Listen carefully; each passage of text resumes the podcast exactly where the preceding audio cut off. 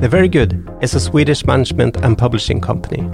Their clients have produced and written songs for some of the world's biggest artists Camila Cabello, Tiesto, Ava Max, Alan Walker, Felix Jaehn, and BTS, to name a few. We have talked to the very good manager Holly Astera about the art of management and A&R, how to become a great song pitcher, and the difference between how Norwegian and Swedish songwriters approach songwriting, and much more.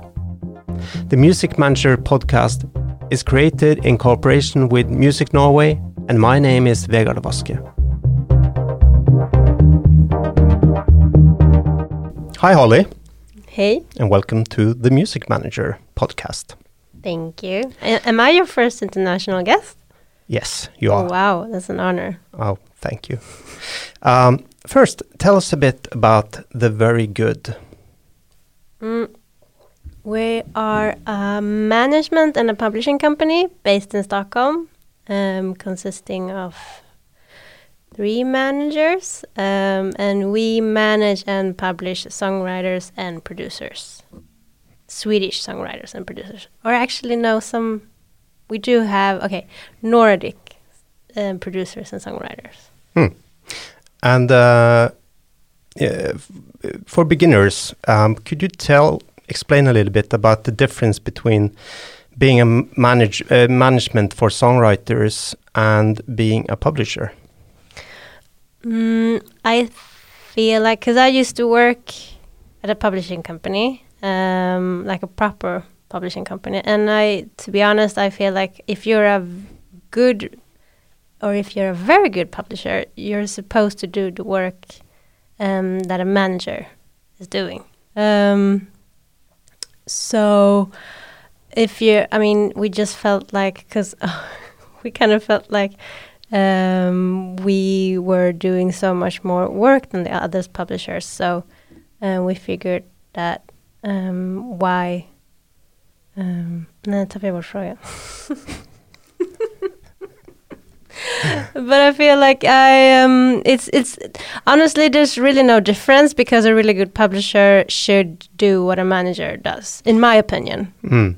And um, Um, when you were a publisher, how many uh, clients did you have oh yeah. compared to when you're a manager? Um, I had, I think I had between 15 and 20 Mm. Songwriters, and then also maybe like uh, maybe 30. But I mean, not a, not all of them were active at the same time. Thank Mm. God. Mm. Um, And what was the challenge then? Was it hard to?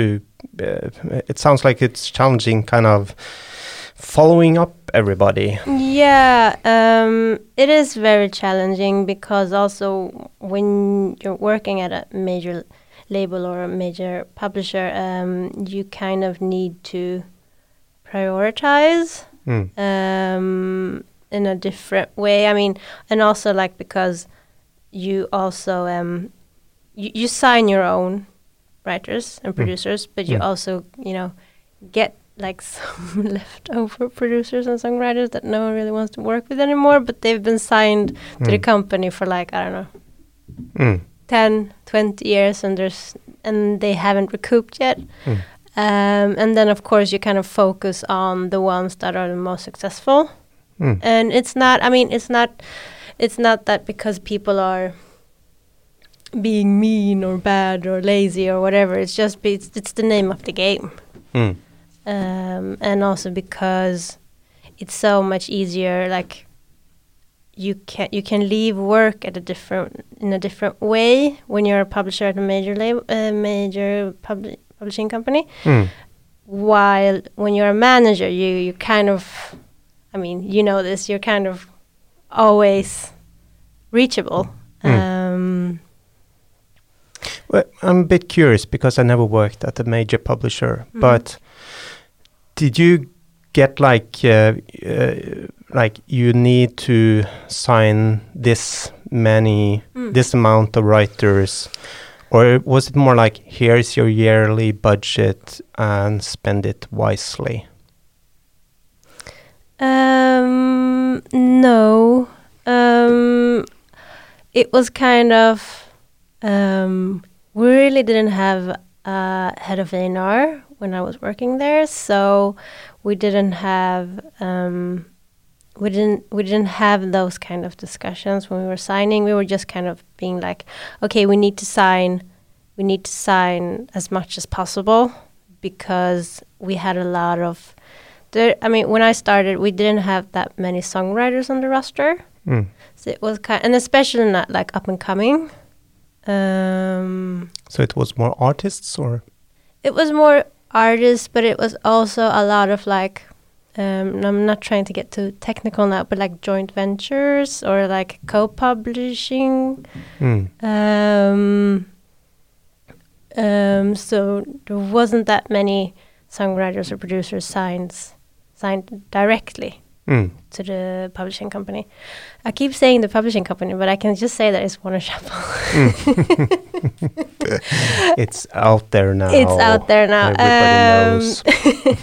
so, but I mean, and there wasn't that, and also that's interesting that you asked because there wasn't that many artists either. So we kind of that was very exciting. We had to like build a new roster Mm. in a sense. Um, because they had, I mean, they had like a co-publishing deal with um, Wolf Cousins, Mm. ish. Um, so I mean, they've been kind of like very successful with that, so they didn't have the need to like sign that much. But so I signed a lot of songwriters and producers and artists, and then I left. Mm. Unfortunately for them, but I took some of them with me. So Mm. Um, so, with your background as an A&R, first at the record label and then uh, at a publisher, and now as a manager publisher, how do you look at the uh, profession of A&R where it is now in June 2022? Is the roles kind of melting together, or is like being a as being a uh, kind of a creative uh, for the songwriters is the is the manager's role most important or um, uh, and the publisher sitting just handing out money to people Um, I really think it comes down to the person that you're working with. And if, I mean, I know a lot of uh, l- both label and publishing A&Rs that are very ex- excited about working with new talent. Um, and and then I know some that are not. And I feel, but I mean, the manager is always the closest. I mean, has the closest relationship with the songwriter or the, or the artist. Um, And I feel like, especially like when it comes to artists, I feel like the manager has a much bigger creative role, Hmm.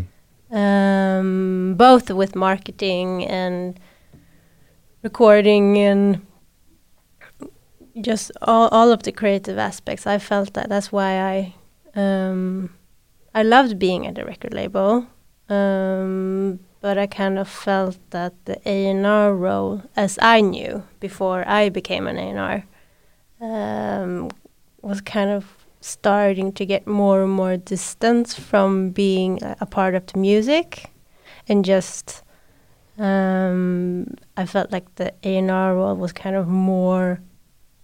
Well, of course, music is a big part, but it's not. It's not. It's not that big as I wanted it to be. It was more of like a marketing, like, oh, how can we? We have an artist, and it's a product, and how can we just brand this product Hmm. uh, in the best way?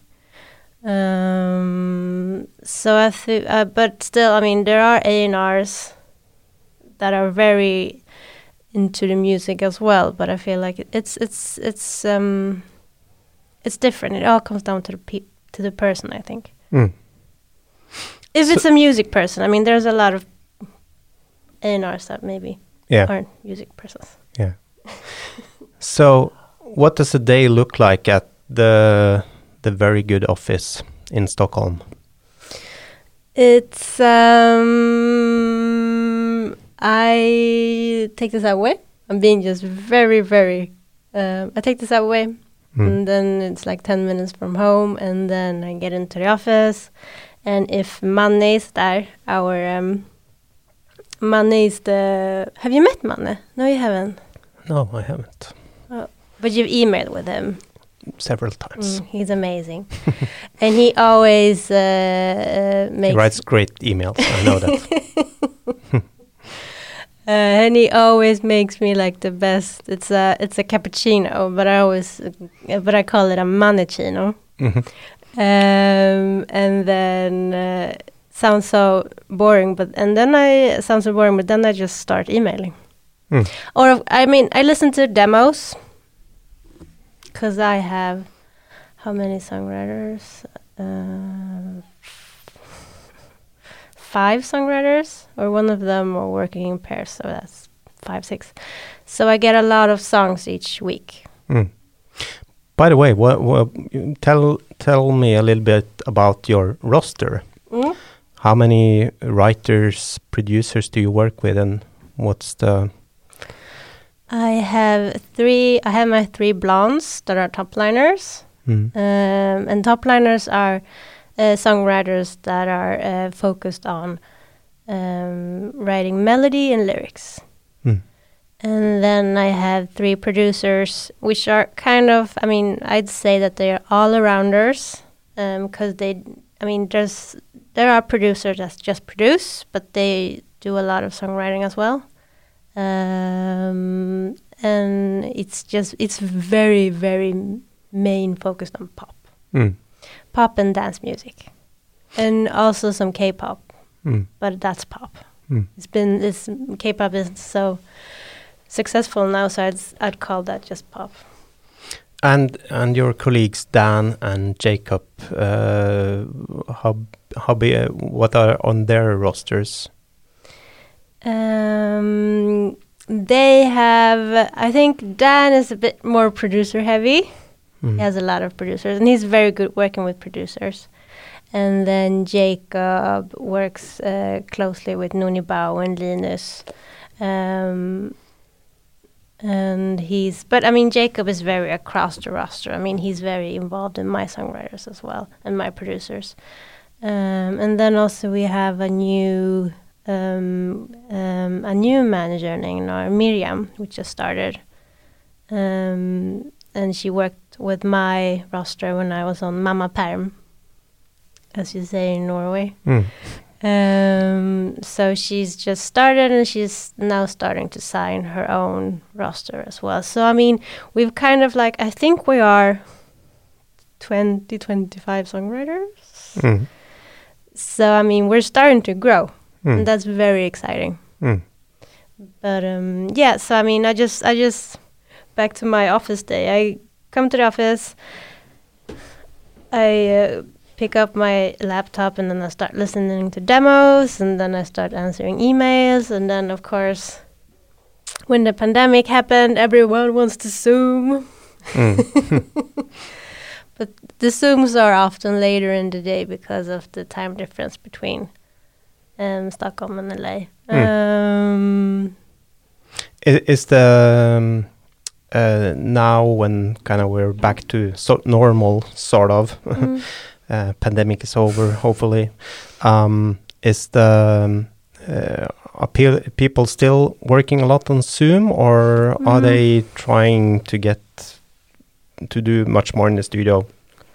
Um, there are still some Zooms. I mean, I like Zoom. I felt like that kind of like opened up how people can work. Mm. Um, but we are just trying to focus in on in-person sessions Mm. because I mean, But it's interesting, though. Uh, you know, before March 13, 2020, it seemed like nobody ever had done a kind of an online session. Mm-mm. No, I think we we might have done some sessions on like FaceTime or Skype um, uh, prior to the pandemic because we we had to like tweak a lyric or tweak a melody with an artist based somewhere else. But no, not. I mean, when that first happened, the Zoom session things happened. I was like, this is not going to work. We, w- I mean, we can try, but I don't think we will get any songs from it Mm. but we did um, and actually got songs that we that even got cut Mm. and released so Mm. yay the future Yeah. and I guess that it's also uh, been a bit kind of generational. Um, uh, thing as well that new uh, young producers and songwriters they embraced it while the more Mm. established ones Mm. they were kind of Mm. uh, walking backwards into Mm. it Mm, mm. Yeah, I mean, yeah, I think we had like not all of our writers wanted to do, do the Zoom sessions, which I totally understand. I mean, it's super. I mean, just imagine it's. I mean, being a songwriter is just so. I mean, I love that people want to be that, but it's weird, you know. Imagine just going into a room, meeting two or three new people every day, trying to impress them Mm. with, with lyrics and melodies and music and singing and then but you're doing this in person then you take that away and do that online instead Mm. super weird Yeah, but also very much more efficient because you don't need to spend hours to travel to studio, True. uh, and people spend less time, uh, you know, hanging out and getting to know. And it's more like, okay, he- yeah, hello, you there in yeah the screen. okay, let's get started then. it's a bit more antisocial songwriting yeah Yeah, Mm. so you can do four Zoom sessions a day, but it's very hard to do more than two in studio sessions a day. Yeah. Um, Sweden has a much richer history um, of successful artists and producers and songwriters uh, compared to, for instance, Norway uh, historically. Uh, why is that? Very big Uh, question. It's a very big question. Um, I don't. I mean, music is kind of incorporated, kind of very hard in um, in the Swedish schools. Mm. Um, so I think we we might have a different culture when it comes to like discovering music and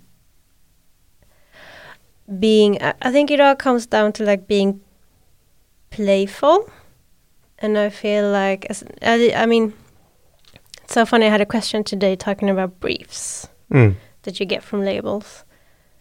Uh, and I said that I I love briefs, but whenever I send them to my songwriters, it's like because they ask for briefs, and I send them, and the song that gets back from the session is nothing Mm. like the brief. Mm. But I think that comes from people being like, "Hey, in the studio, like, hey, I have this idea of a hook, or I have this idea, or this happened to me, or this happened to my best friend. I want to write about it, or something." And it's just a bit more playful and a bit more based on feeling when when Swedes are writing compared to like I don't know how Norwe- Norwegians are, but compared to LA Mm. Uh, where people are much more like business sa- savvy when writing songs. Like, okay, we have this artist, she's up and coming. Um, her sound is this and this, and her story is this, because we know that she. I mean, and then they do like four sessions a day. Mm. Um, so I feel like that's kind of how Swedes work with music. It's more fun, it's more playful, and it's. Um,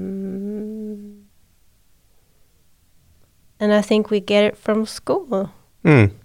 Interesting you say that because I remember when I toured with my punk and hardcore bands in the 90s, you know, in my hometown, you know, nobody owned, uh, owned a instrument. Mm. So by coincidence, uh, I had a friend who had a guitar, and another friend who Mm, mm, had a mm. bass, and I stumbled over a drum kit uh, in, in in a newspaper and uh, spent all my money on that.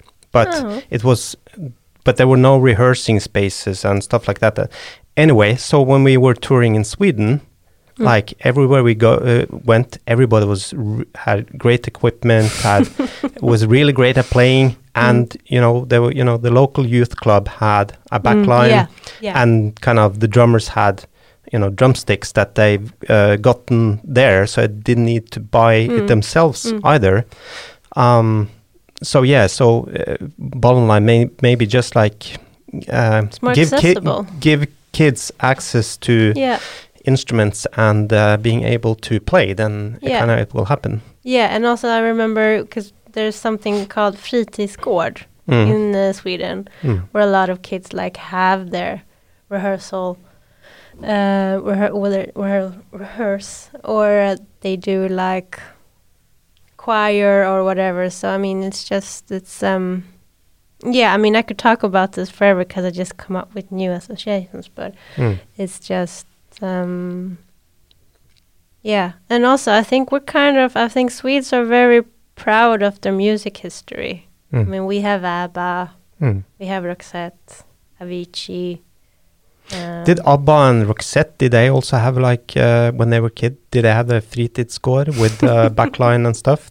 Was so, does it all come back to that? I I don't I don't know, but also you need to like uh, remember that Sweden is a very boring country, um, like nine months out of twelve. Um, so I mean, you have your fjords and your skiing resorts. Yeah. we don't have that. Mm. We just have the rainy days. Mm. Um, but talking about Norway, if you were to like, you know, uh, Norway and Sweden is has a long shared history uh, in many ways, but it is all both equal and very different countries in at the same time. Um, uh, if you were to generalize about the difference about how Norwegians or Norwegian songwriters or artists make music and Swedish ones does. Do, you- do you do you see any? Yeah, if I see any difference or similarities. yeah, Um, I've um, I feel that the top liners that you guys have um, are mostly artists. Um, like when I started working at Universal many, many, many years ago, I never like I was like, "Who- what's top liner? I've never heard of the word top liner. I just knew of songwriters. Um, so I think that we have we have a much more like established um, history of songwriters. Like we have Max Martin, and we have like we know that he's a producer and he also writes songs. So I think that we have like when people, I think it's very common that when people want to become top liners, firstly become artists because it's like I like um writing lyrics and melodies mm. um, and now I need to perform them as well. Um, so I'm, and I f- feel like Norway might be a bit more um, not as advanced in that as we are in Sweden. So maybe like a lot of those um, songwriters that are artists today might eventually become top liners in a couple of years, and then maybe you will have a new generation of them. It's all Mm. it's Mm. comes down to role models, I think. Mm. Um, but of course, you guys, you guys have Caroline Ailin. Mm. She's Norwegian, Mm. so I mean, I think we need you need we need more of those, so you can see that you can actually become a top liner without being an artist. Um, I think that's and also I mean you have you have Bergen. Mm. It kind of feels like a musical hub up in the is it north? West. west sorry. Okay up in the west. Yeah. um and we we don't i mean we don't have that in sweden. We don't have like a smaller town than stockholm that is um like a musical somewhere where you go to do sessions. When you do sessions in in sweden it's just stockholm Mm. you would never ever go to Malmö to do sessions Mm. or, or Gothenburg.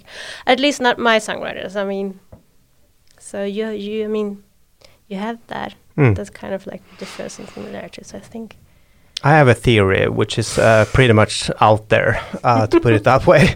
But, the, but Norway has historically uh, been under Swedish or Danish rule uh, un, up till Sorry.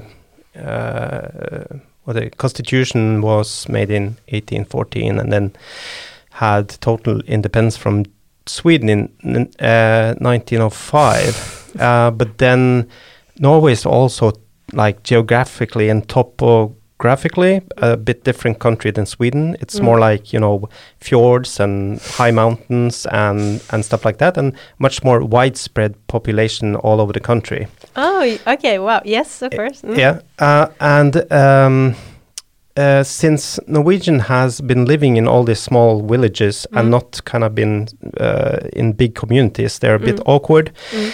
uh, and they're a bit like kind of I'm not gonna do, uh, you know, uh, the you know uh, the uh, the Swedish king is not gonna come and tell me what to do. Mm. Uh, and that that has influenced also Norwegian art and music Okay. that uh, you know we've been maybe more good at like black metal and uh, uh, weird electronic music and that kind of stuff and that Norwegian has a bit uh, like I'm going to do something different Mm. Mm. while in Sweden it's a bit more uh, we got we're going to do what works in US and become can become really huge Wow. Yeah. is I that a good the- a theory It's a very good theory.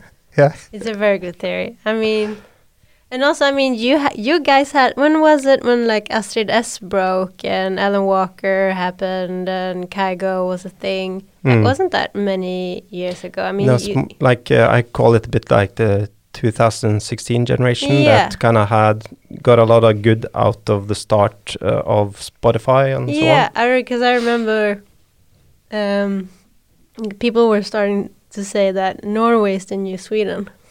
Yeah. we'll see. anyway, Mm. um, my experience is that you're really good at uh, pitching songs. um, because that's a kind of a, a certain skill, Mhm. um, and uh, it's not that many that is good at that. Um, when you get a pitch from an artist or a label uh, or somebody me, like me, I'm looking for this and that song. Mm. Um, uh, how do you work to find that song in your presumably really big archive? I um, have like in my iTunes library, I have like I try to like rotate between songs that I pitch. Hmm. Um, and I kind of just have it in my head. I have a very good like m- I, mean I don't remember a lot of things, but I, am very good with with remembering melodies and stuff um, and titles and lyrics. So I just have it in my head, and whenever I get a brief, and also, I mean, everything is just so trend based in music, to be honest. Like, if I get a brief that is like, I remember when um, Dua Lipa broke with new rules. Mm. Every brief was like, oh, we want something like new rules. Mm. Um, so I mean, it's kind of easy um, remembering which songs that you had that gave you a certain feeling um, when I get demos sent to me. Mm. So I just put them. I mean, I have my weird like my weird fol- folders on iTunes where I just put in like, okay, this is I get this kind of vibe of it. So I just put it in there, and then I just collect them, and then I just try to like rotate and update them. Uh, so it's just it's a weird it, it's it's a super weird system. It's not it's just working for me. I've tried I've tried to teach it. I've tried to like show other people how I work, but it's just people are like, no, this is too. Um Mm. So it's um But it's when you're getting those kind of briefs, Mm. uh, you know, we want the, the uh, like new rules, uh, Mm. Dua Lipa. mm, mm. Uh, doesn't people mm, understand that that's a bit kind of uh, counterproductive? Because if they're getting that kind of song and it takes them half year to get it released, then it's Yeah. that's totally gone. Yeah. Do you then give them just a really great song, uh, which you think would work, and even though it doesn't? Um, I feel like when it when it was like new rules, for example, I mean that was all. I think I mean a lot of briefs that had that as a reference might have like been referencing the lyrics, like being because it's all about it's being like you're breaking up with a boy, um, um, and you and he's trying to like. And you, I mean, you have this on and off relationship, but you're like the stronger person. You're leaving this, you're better off. Um, so I'm kind of like, okay, do I have lyrics in that theme? Sending or um, or something that's sounding a bit alike. Um, so I'm just trying to I mean, and it also had a lot of attitude. So I had a lot of demos that had that kind of attitude in it. Um, so, and also to, I mean, when you get those, um, I mean, references, I mean, it's super hard to replicate the new rules or Mm. like one, one or that kind of songs because I feel like those songs get written in the moment and you can never do that again unless I mean Mm. so it's just I mean I'm trying to pick something out of that reference and just send send them to that. Mm. And what kind of markets and genres are easiest uh, pitching songs to? If we start with genres, dance music. Yeah. And I love dance music. It's not a bad thing, but I've um, dance music and then K-pop. mm. and could you just explain why is dance music easier to pitch? Um, I think also it has to do with the pandemic, to be honest. Um, and all, it's just harder to pitch pop songs in general, is my experience, because um, it's there's a lot of more things that need to like make sense. You need to have very good lyrics. You need to have like lyrics that fit the artist. Um, like the sound, the production needs to sound new um, and interesting and, and fits the artist. Um, and also, like, I'd say most pop artists, even if they aren't good songwriters, would want to write their own song, Mm. Uh, which I totally respect and I understand. And I also feel like um, since the pandemic, um, it's been even harder pitching towards pop projects because they haven't been on tour or they haven't done promo and they're like okay we're just this is just my theory um, so they're like okay i'm like i'm stuck here i just i can work on becoming a good songwriter with my two or three producers and co-songwriters and just focus on that um, while um, dance acts um, they had they've had like a different strategy. They were like just trying to release as many songs as possible because they were not touring. Mm. Um, so I mean, an artist releases an album Mm. and has like twelve songs, while a DJ releases twenty or thirty songs. Mm. And the DJ uh, Doesn't maybe care about lyrics. Well, uh, uh, it it uh, just needs a very good hook. Yeah. And um, like uh, and uh, in many cases have different features on each song, Yeah. so it doesn't necessarily need to or be. wants to keep the vocalist like Yeah. the demo vocalist on. So I guess then for your songwriters who um, doesn't uh, do, uh, do that much uh, kind of EDM pitch songs, it's more a question of getting them in the studio Mm. with the artists who Mm. need Mm. their um, their skills. yeah. Mm. Um, But I love dance music. I love pitching dance music. It's it's the it's it's so fun. mm.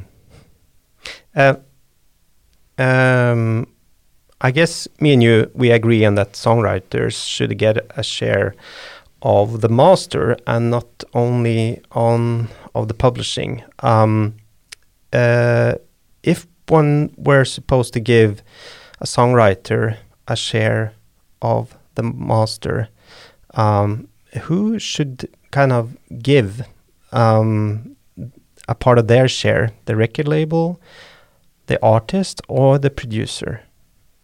Uh, label, because label probably has most master share, Yeah. so they can easily share with the songwriters.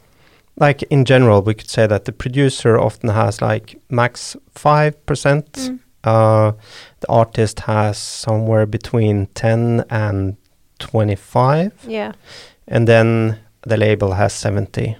Yeah. Yes. Uh, the uh, the conclusion is there. So labels. um, the very good started as a management, uh, but is now doing more publishing. Um, what decides where you put your clients?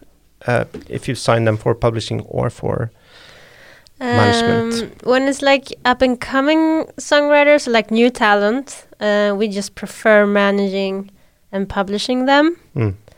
Um, but just, I mean, we want. I mean, we fir- first, firstly, we want to publish them, and then we like can offer them a management role as well. Mm. Um, and it's just because, um, and it's just I'm not trying. I'm not trying to bash the um, m- major publishing companies, but I mean it's just that you know it's it's super hard being signed to a major uh, publishing company and being like the new writer, and then just trying to and you have no cuts Mm. And you just you just started writing and it's just hard and you it's it, it is so much work Mm. in the beginning Mm. just opening doors really and So, what is your experience when you're a new signing to a major publisher? I, do you get your advance and then you're pretty much left on your own, or? um no i mean if if it's a good a&r Mm. uh, it's a, if that a&r is a music person then of course you can i mean that was kind of what i did when i was at Warner Chappell i just wanted to, to make them my goal was to keep them busy Mm. like you're a songwriter now and we need and you you're going to be in the studio almost every day Mm. except for Saturday and Sundays. Um, so, um, but I mean, that could happen that, okay, maybe you sign to a major publishing company and you get an advance. And then you're working with your lovely eh, favorite person in the world, your A&R, and then that person maybe leaves. And starts a management. And I mean, there's no guarantee that I mean, if you if like if you're not a priority, there's no guarantee that you will become a priority because it's just I mean, it's just the name of the game. I think. Mm. Um, so, if you were to give an advice to a songwriter who lives in a country like Norway, in a f- deep in a fjord, and the, you know, the, the isn't in you know isn't in L.A. or Stockholm or London, um, what kind of advice would you give that person um, on how to make um, its way up in the the up the ladder industry. in the mu- music uh, business. Um, I think release songs, like just because I mean show showcase showcase your talent. I Mm. think that's the easier. Just release songs, uh, and if you don't sing or write, just find someone that does, and you can produce. Or if it's the other way around, um, and I mean, thank you COVID. Now we have something that's called Zoom sessions. Mm. so try to reach out i mean i don't think like don't be afraid of reaching out to people that you admire or that you look up to Mm. i'd say nine out of ten people would be very flattered that someone's reaching out to them and just ask for advice um, i mean if you're comfortable ask for a session or just and also travel i Mm. mean if it's if it's a norwegian songwriter up in the fjords. Um, I mean, Stockholm is not that far away, Mm. and it's I mean just network, Mm.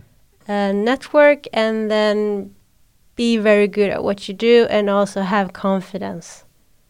Because I think confidence is so like we don't talk about it in Sweden because of. Um, it's very it's kind of frowned upon to have very very good confidence. Mm. Um, but my experience from working, I mean, ever since I became an A&R at the label side, I mean, those artists that had confidence were the ones that were going to make it. Um, because you need confidence in this industry, and especially as a songwriter or an artist, because if you don't believe in yourself or your talent, I Mm. mean, you you you can find a very good manager Mm. or a publisher or whatever but i mean you you need to want it a bit more than everyone else Mm. And also just keep on going. keep on going never give up because it's super weird i mean one day you might have like 10 holds Mm. And then the other day you might have three Mm. um, and it's never. I mean, I try to celebrate Mm. everything. Like even if a song hits like one million streams, and you've never had a song that hits one million streams, Mm. we need to celebrate that. But it's I heard a- story here the other day about uh, uh, a, a management company where uh, uh, one of the managers he was at really kind of at the rock bottom of his life when he started uh, Mm. uh, in the company. He was also on a kind of a uh, the, it was the it was a state funded uh, uh, position in the Mm. in the company, so it was. Um, uh, and then five years later, he was the biggest manager in the Mm. company, Mm. having the Mm. most successful acts, yeah, which is uh, a a really kind of a beautiful story. Yeah. That uh, uh, you know, if you just like keep on going, then uh, kind of a lot of things yeah. can come your way. Yeah, and just keep on going, and eventually you'll hit success one way or another, and no one will remember your flops. Mm, I mean, exactly. I don't. I signed one very successful act when I was at Universal, and then the other ones I don't even remember them. Hmm. Yeah, that's what kind of I I I f- find frustrating sometimes working Mm. with uh, artists and uh, for many years. uh, You know that uh, um, uh, sometimes artists uh, and uh, songwriters they're more concerned about. Um, uh, making sure that uh, what they release isn't kind of good enough Mm. um no that that it's good enough but they they sorry but then they kind of uh, aim too high and and think that if we release this and this is not successful then kind of you know everybody will look at me and oh you know that's Yeah. so bad blah blah blah but people don't care People don't care. no so it's much better to kind of release a lot of music and see what happens Yeah. because you never never You never know. Yeah. And that's the fun thing about working with songwriters, also because, and especially new talent, is just that you're just one way, you're just one song away from a Mm. hit. You Mm. don't know. no just stay in the game people stay in the game. Thank you very much, Holly, for uh, uh, coming and joining us here at the Music Manager. Thank you for having me, Vegard.